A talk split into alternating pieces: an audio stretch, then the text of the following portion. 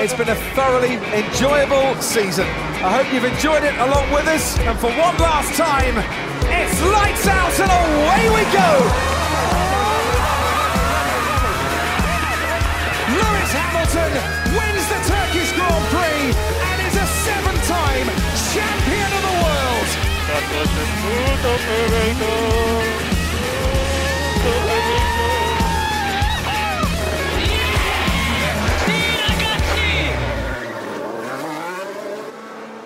Herkese merhaba. Podstop Podcast'in 5 Kırmızı Bir Yeşil serisinde her zaman olduğu gibi ben Burak, Deniz ve Halil ile beraberiz. Selam beyler. Imola'yı geride bıraktık. Emilia Romagna Grand Prix'si. Nasıl bir hafta sonu geçti? İsterseniz genel bir yorumlarla başlayalım. Keyifli bir hafta sonuydu bence. Geçen seneki yarış beklediğimiz kadar heyecanlı değildi bence. Bu sene de aslında Imola deyince çok aksiyon beklemiyorduk. Pist çok aksiyona elverişli bir pistti. Ama bu sene yağmurun olması biraz keyif kattı diyebiliriz. O yüzden güzel, keyifli bir hafta sonuydu bence. Ee, aynı zamanda sıralamalardan başlayarak araçların çok e, yakın tur zamanları attığını gördük. Bu da zaten yarışta bize aksiyon olacağını başta gösteriyordu.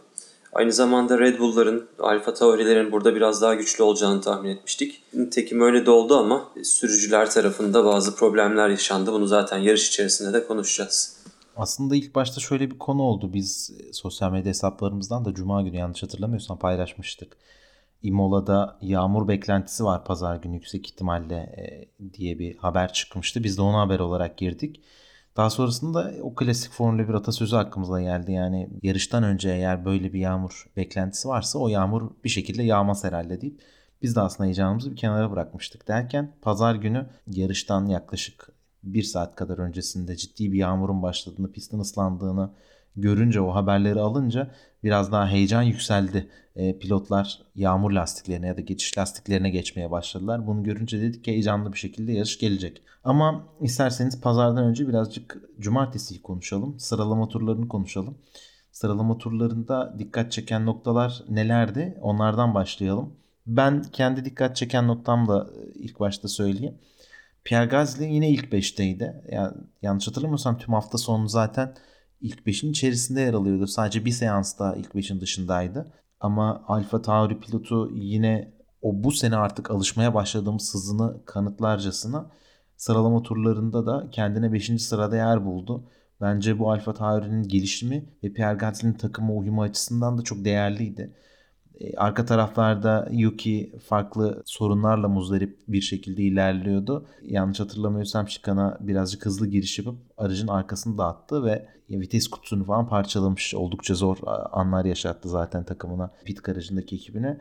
Ben Alfa Tauri'nin her anlamdaki performansını, Gazli'nin yükselişi anlamında da e, Yuki'nin de yaşadığı zor anlar anlamında dikkat çekici olarak buldum cumartesi gününde. E, kazasına baktığımız zaman aslında e, soğuk hava şartlarında yanlış hatırlamıyorsam 12-13 derece civarındaydı. Pistte 23-25 derece civarı arasındaydı.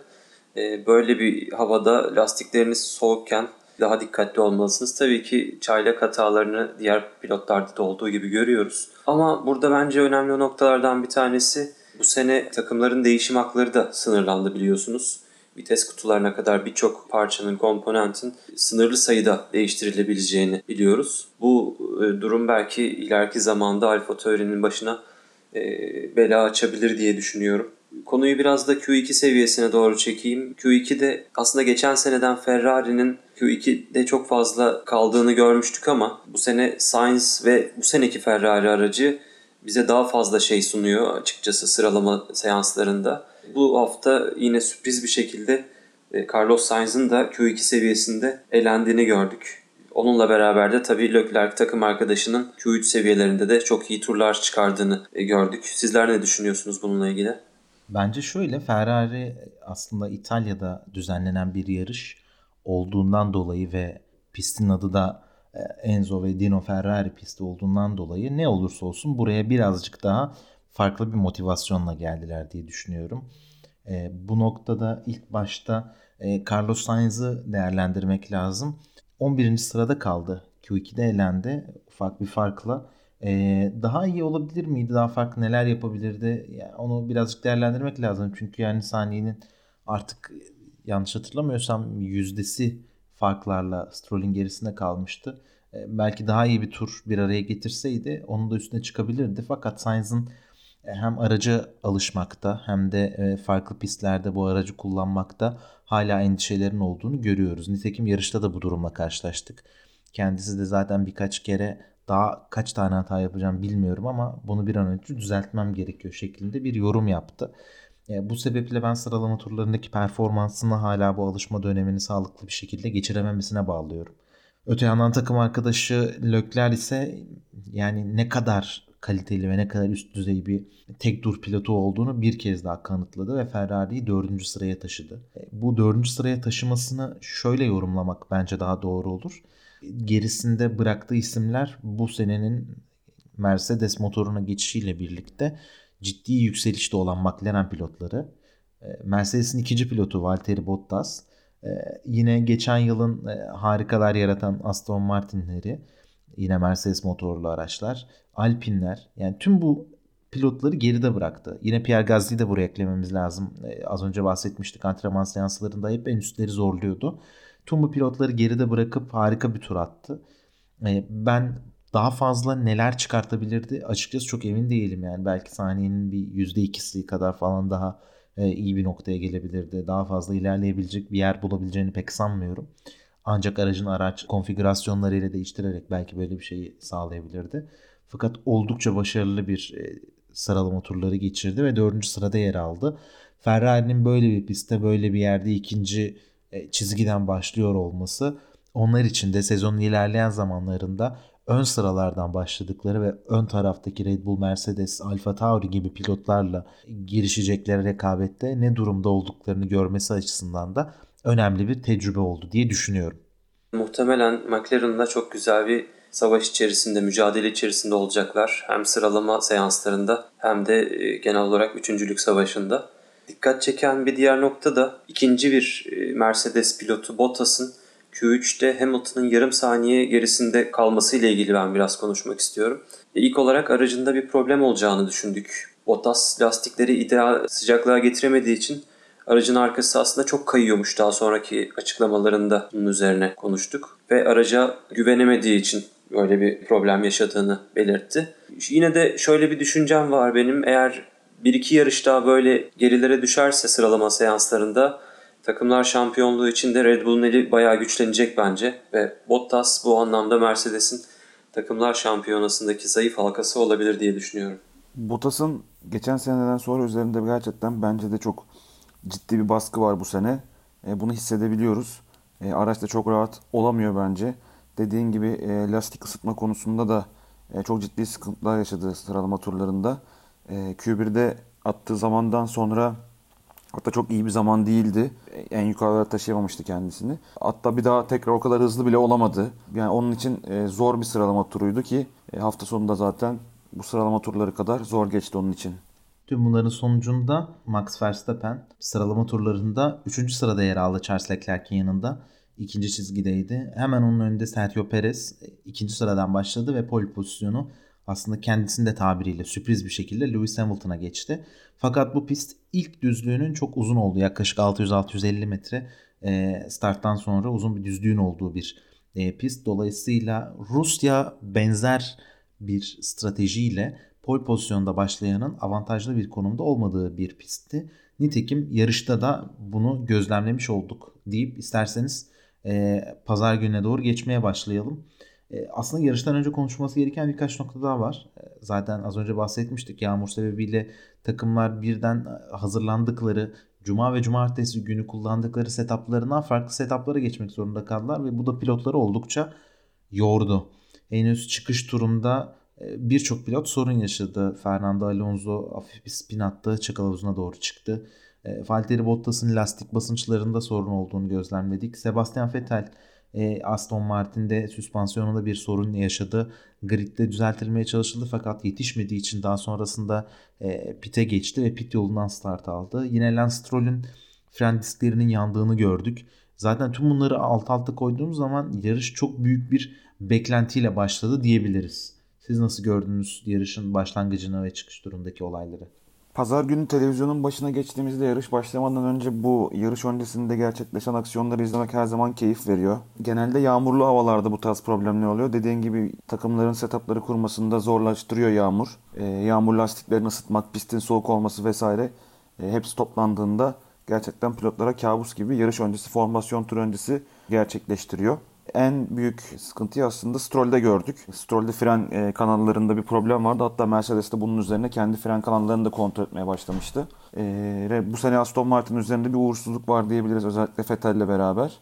Onlar da aslında bu problemleri çözmeye çalışıyor ve problemi çözdüklerinde geri döneceklerine ben çok inanıyorum ama bu güne kadar üzerlerinde bir dediğim gibi bir kara büyü vardı. Çok dikkatleri çektiler üzerlerine.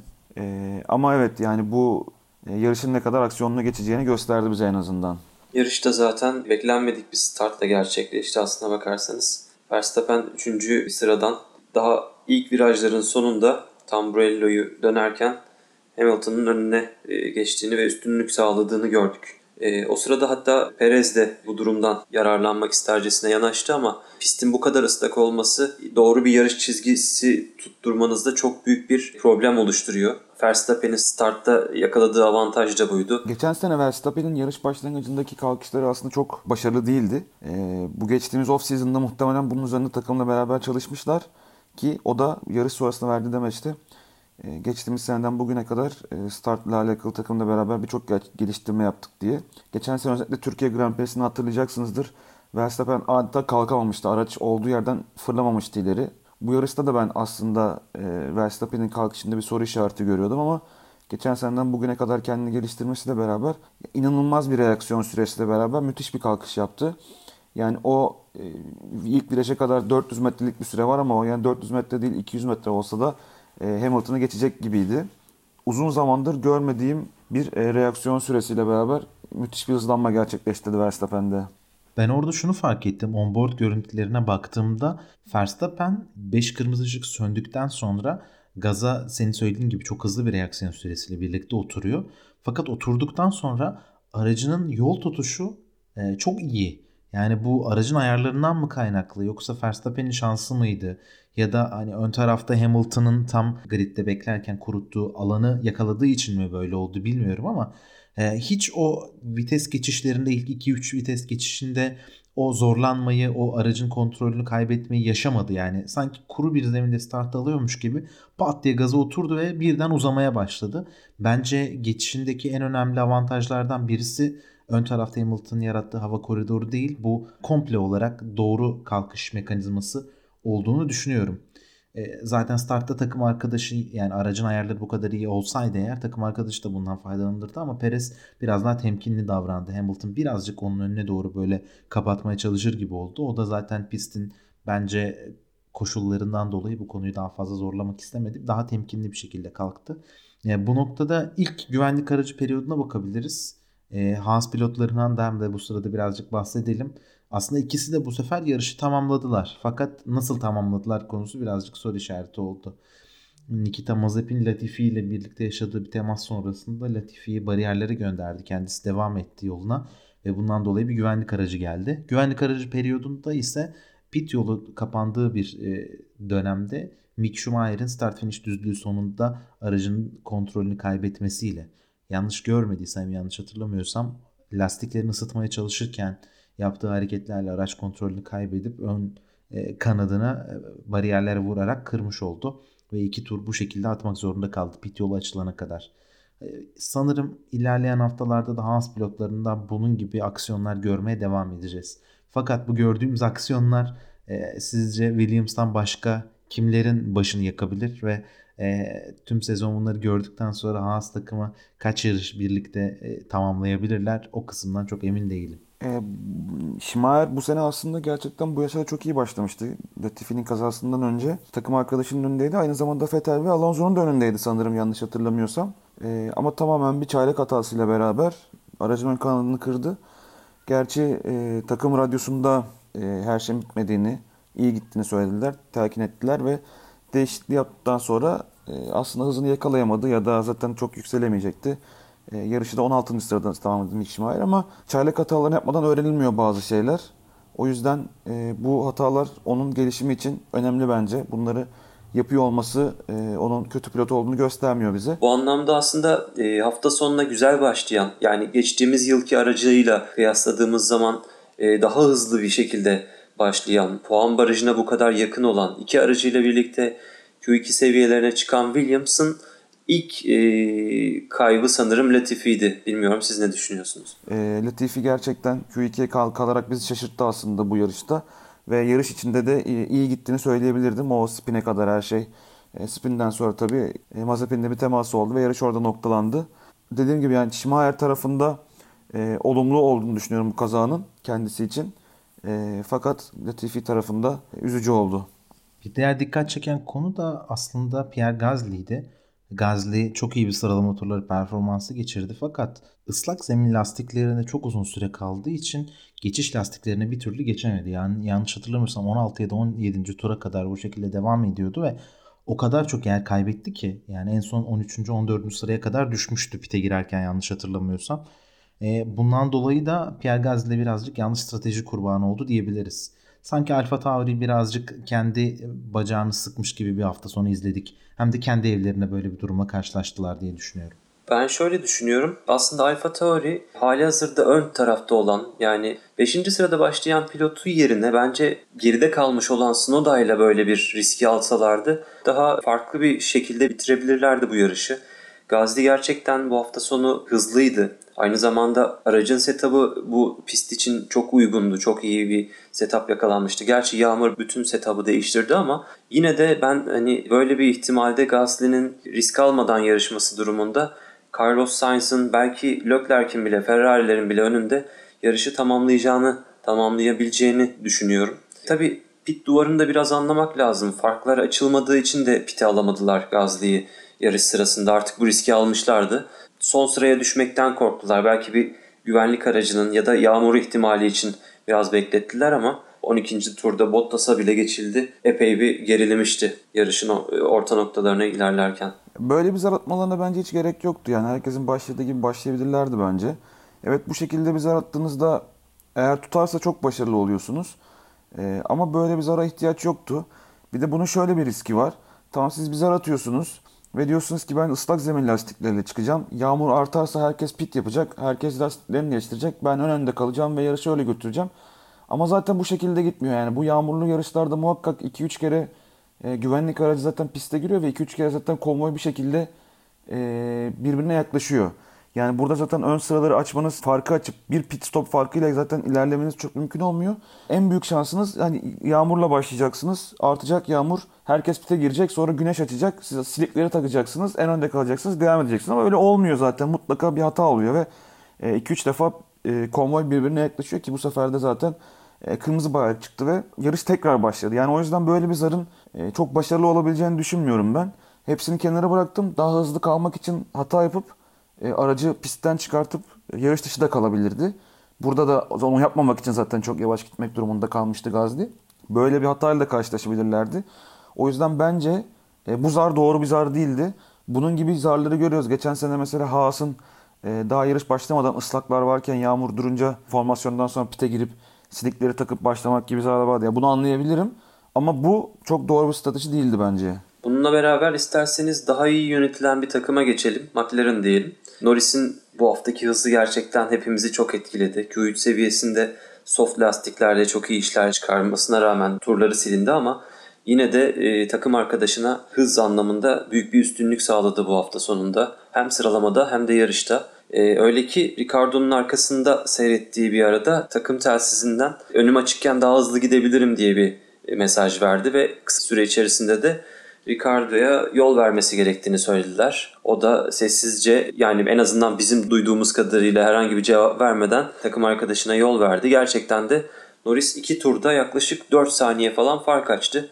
Hatta zaten yarışın sonlarında falan da güvenlik araçlarının da etkisiyle kendini çok daha ön taraflara attığını görmüş olduk. Daha hızlıyım dedi ve gerçekten de kanıtladı bunu. Bence McLaren bu hafta sonunu gerçekten çok iyi stratejilerle ve iyi pist üstü hareketleriyle geçirdiler. E, bu noktada bir dikkat çekilmesi gereken nokta da e, Norris'in pilotların silik lastiklere geçtikten sonra yumuşak lastikte kalması ve yarışı yumuşak lastiklerle bitiriyor olması. Arka tarafta e, onu takip eden Charles Leclerc, Sainz gibi pilotlar orta hamurlarda ilerlemişti. Hatta Norris'in softta olması birçokları tarafından Leclerc podyumu aldığı şeklinde yorumlandı ama hem lastikleri çok daha iyi korudu hem de yumuşak lastiklerin performansını çok iyi bir şekilde yönetti. E, Leclerc'i de geçerek. E, bu anlamda bu ikisini üst üste koyduğumuz zaman e, Deniz'in az önce söylediği gibi Alfa Tauri'nin zarı gelmemiş olsa da bence McLaren'in zarı e, çok daha iyi bir şekilde geldi ve Norris'i podyuma taşıyabilecek fırsatı yakaladılar. Peki Norris orada yumuşak lastik değil orta lastik taksaydı geçemez miydi Leclerc'i? Ya geçerdi bence. Yani geçemez değildi. Belki iki tur sonra olurdu, üç tur sonra olurdu. Yine de geçebilirdi.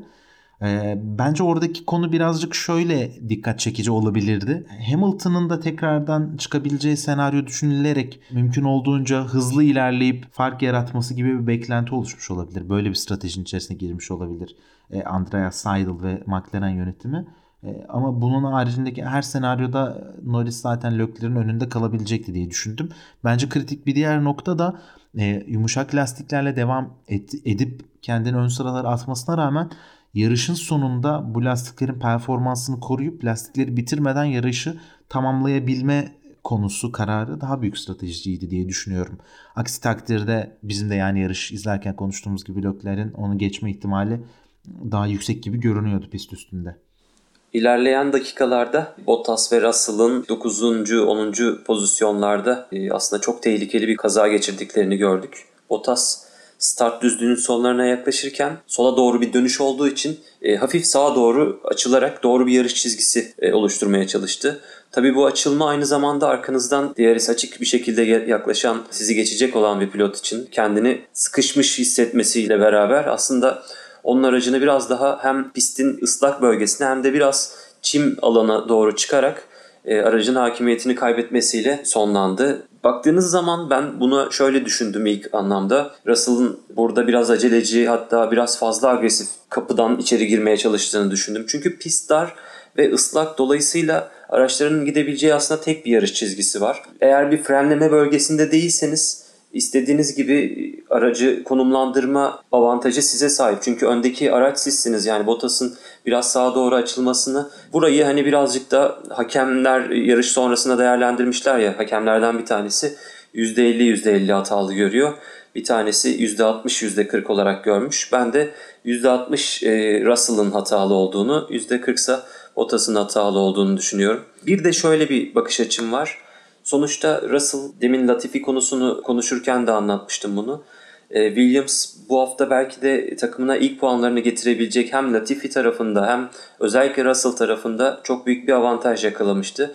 Russell e, takımına böyle bir sorumluluk sahibi e, olması gerekirken, böyle bir e, anlayışta olması gerekirken buradaki bütün avantajını belki de o Bottas'la olan Mercedes'teki koltuk savaşından dolayı böyle bir egosal savaş haline getirip çöpe atmış oldu. Nereden bakarsanız bakın ben biraz Russell'ı bu tarafta daha hatalı görüyorum. Aslında güzel bir yorum ve başlangıç oldu. Senin yorumlarını dinliyorum ve birçoğuna da katılıyorum. Ama onun öncesinde birkaç bilgi daha paylaşmak bence doğru olur. Yarış sonrasında Toto Wolff yaptığı yorumda aslında e, birçoklarına dikkatini çekti. E, yani böyle bir durumda, böyle bir koşul içerisindeyken e, Russell gibi bir pilotun Mercedes pilotuyla yarışırken daha dikkatli davranması gerekirdi şeklinde. Aslında birazcık topu Russell'ın üzerine attı. Bu da birçokları tarafından dikkat çekti. Yani Russell Mercedes Sürücü Akademisi'nden geldiği için mi buna dikkat etmesi gerekiyor? Ee, bu bundan dolayı mı e, daha hassas olması gerekiyordu? Rekabeti nasıl yönetiyor bu durum? Gibi yorumlar oldu. Fakat daha sonrasında Russell bir açıklama yayınlayarak hatalı olan kişinin kendisi olduğunu belirtti ve e, Bottas'tan ve tüm organizasyondan özür dilediğini söyledi. Ben konuyu birazcık da şu taraftan e, şimdi değerlendirmeye çalışacağım. Bu açıklamalar olmamış olsaydı kim geldi kim çıktı konusunda farklı farklı yorumlarımız olabilirdi. Ama bu açıklamalar sonrasında e, birazcık şöyle düşünmeye başladım. Acaba Mercedes'in Toto Wolff'ün açıklamaları yine aynı şekilde Bottas da hiçbir hata yaptığını düşünmüyorum. Tüm suç Russell'daydı şeklinde yaptığı açıklamalar paralelinde. Bottas böyle bir e, bir algı operasyonu içerisinde durup bir organizasyonel baskı hissetmiş olup e, bu yüzden konuyu uzatmamak adına geri adım atmış olabilirim diye düşünüyorum. E, çünkü diğer taraftan bakıldığında ben de konuya şöyle yaklaştım. E, ben Bottas'ın Russell'ı sıkıştırmak için sağa doğru bir hamle yaptığını görüyorum. Onboard kameralardan da bunu fark ettim. Her ne kadar bir araçlık bölge olsa dahi tam bir aracın belki sınırına kadar Bottas orayı kapatmaya çalışacaktı frenleme bölgesine gelmeden önce. Ama ben bu ikili mücadele tecrübe eksikliği yaşayan Russell'ın bu hamleyi belki de Bottas'ta olduğu için karşı taraftaki kişi e, biraz daha e, büyüterek daha kontrol edilmesi zor bir hale getirdiğini düşünüyorum.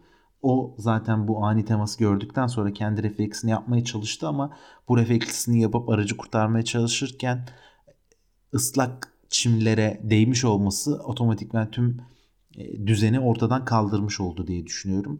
E, bu yüzden ikisi de hatalı. E, Bottas bu şekilde bir hareket edip yani tetikledi aslında Russell'ın reflekslerini.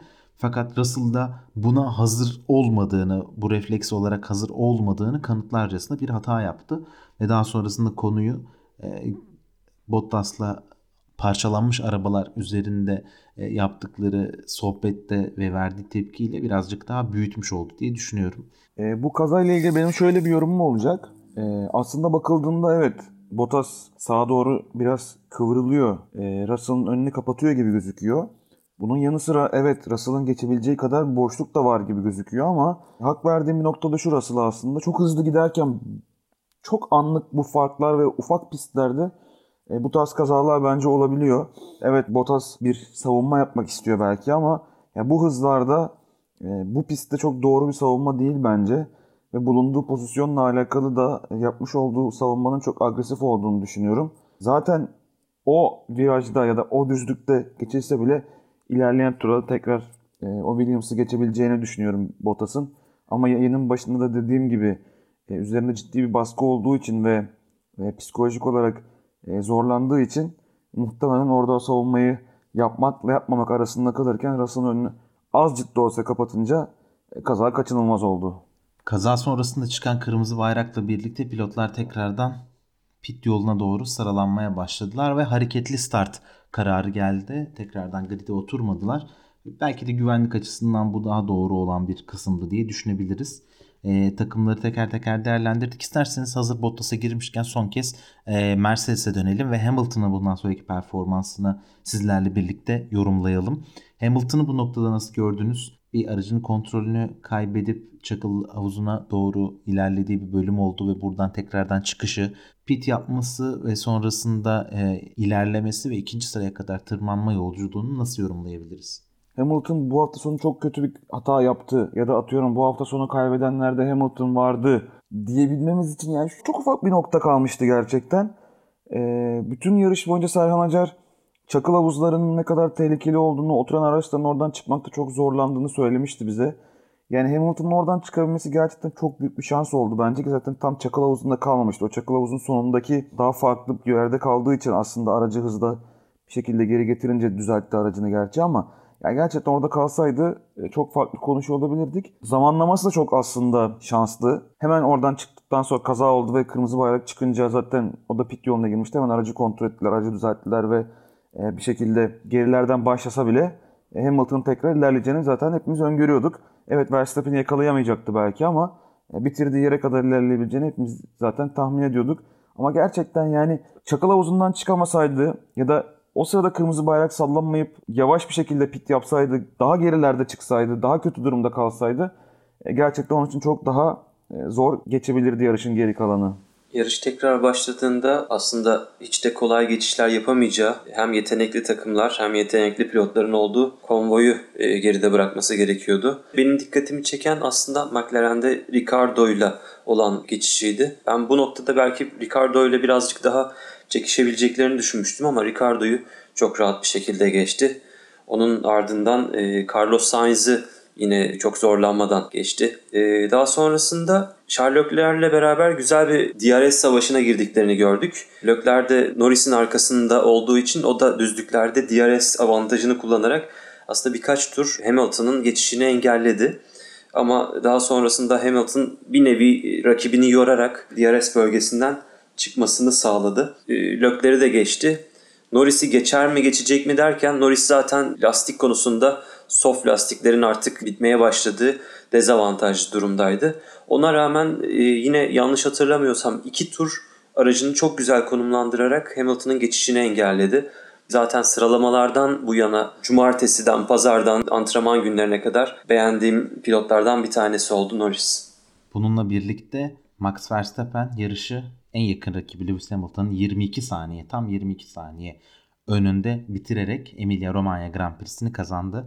Lewis Hamilton ikinci, McLaren pilotu Lando Norris ise 3. sırada yer aldı ve podyuma çıktı. Bu sezonki ilk podyum oldu hem McLaren'in hem Lando Norris'in. Daha sonrasında arkada iki Ferrari vardı. Leclerc ve Sainz Norris'i takip eden pilotlardı. Sainz'in arkasında Norris'in takım arkadaşı Daniel Ricciardo yer aldı. Pierre Gasly 5. sırada başladığı yarışı 7. bitirdi. Aston Martin'den Stroll 8. E, sıradaydı. Ocon ve Alonso da puan barajının sonunda yer alan isimlerdi. Fakat Ocon ve Alonso neden puan barajının en sonunda yer alıyordu? Birazcık da onları konuşmamız gerekecek büyük ihtimal. Sergio Perez'in 10 saniye ceza alması ile birlikte e, aslında 9. sırada bitirdiği yarışı e, 10 saniye ceza ile birlikte 11. sıraya düşmüş oldu ve Ocon Alonso'yu puan barajına taşımış oldu. Aslında yarışta bu cezalarla birlikte oldukça dikkat çekici bir noktaya geldi. E, Sebastian Vettel yarış içerisinde henüz yarış başlamadan gridde aracını bir türlü hazırlayamadı ve pitten start aldığı için bir 10 saniye ceza almıştı. E, bunun haricinde Kimi Raikkonen yine aynı şekilde pist üzerinde e, ki e, durumundan dolayı 30 saniyelik bir ceza aldı yarıştan sonra. E, yarış esnasında incelenecek, yarıştan sonra incelenecek şekilde bir karar alınmıştı. Raikkonen de 30 saniye ceza aldı. Bu sebeple o da yerini kaybetti. E, tüm bu cezalarla birlikte gridin değişmesini nasıl yorumluyorsunuz? Perez'in dışarıda kalmasına e, ve Raikkonen'in bu büyük cezasını. Raikkonen'in cezası bana biraz sert geldi. Yani burada aslında baktığımız zaman 30 saniye evet bayağı fazla bir zaman. Ya 30 saniye değil atıyorum bir 10 saniye de verseniz belki zaten puan barajının dışında kalıyordu. Ama burada işte bu kararı veren kişilerin bundan sonra da bu şekilde bir kararın gerçekleştiğinde karar verme mekanizmasında en azından artık e, sert olacaklarını ve geçen haftaki özellikle bu e, Hamilton'ın daha doğrusu Verstappen Hamilton'ı geçtiği viraj sonrası bütün hafta sonu konuşuldu. Önce izin verildi, sonra izin verilmedi, niye böyle oldu vesaire diye. Artık bence hakem kurulundan çok daha net cezalar çıkacak. Çünkü artık okları kendilerine çekmek istemiyorlar diye düşünüyorum ben. Ama bu cezalar Alpine'in yüzüne güldü diyebiliriz. Alpine tarafında da Ocon aynı zamanda dünya şampiyonu takım arkadaşı Alonso'yu da geride bırakmış oldu. Ocon için güzel bir haber tabii. Öte yandan Alonso da araca hala e, alışmaya çalıştığı bir dönem içerisinde. Geçen yarışta hazır olduğunu görmüştük ama yine de bu durumların hem Alonso hem de Vettel tarafında birkaç yarış daha süreceğini düşünüyorum. Verstappen'e ben de küçük bir parantez açayım yarış galibine. Ee, yarışı bir kere startta kazandığını söyleyebiliriz bence. Çünkü startta öne geçmek onun için bence çok önemliydi. Özellikle de ıslak zemin olan bir pistte. Tur bindirmelerde de pist ıslak olduğu için çok sabırlı davrandı. Çok yavaş geçişler yaptı. Hatta Hamilton'a karşı 4 saniyeye yakın kaybetti orada.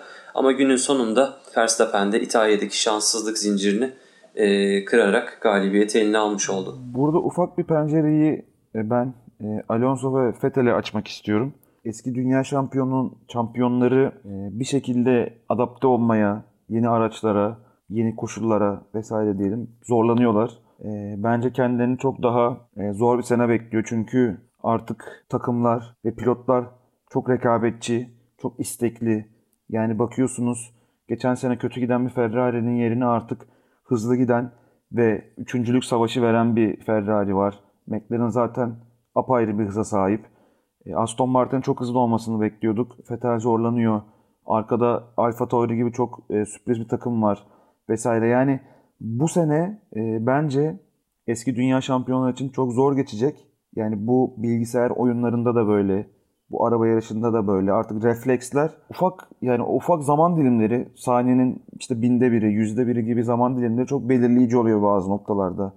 Ve artık bu refleksleri vermek e, yaş ilerledikçe zor olabiliyor. Yani aynı şekilde Raikkonen'de de görebiliyoruz. Evet Raikkonen'i ya da diğer dünya şampiyonlarını daha rekabetçi bir arabaya koysak ön tarafta olabilirler mi? Benim aklıma çok büyük bir soru işareti bu. E, yaş geçtikçe evet tecrübeliler ama artık araçlar o kadar e, teknolojik, o kadar hızlı ve o kadar yeni hale geldi ki ufak tepkimeler çok zaman kazandırıyor ya da zaman kaybettiriyor pilotlara. E, o yüzden bu sene bence zor olacak ve artık takımlar da tecrübelerinden dolayı eski dünya şampiyonlarının takımını tutmaktansa daha genç ve daha hızlı pilotları yavaş yavaş takımlara e, dahil etmeye başlayacaklar.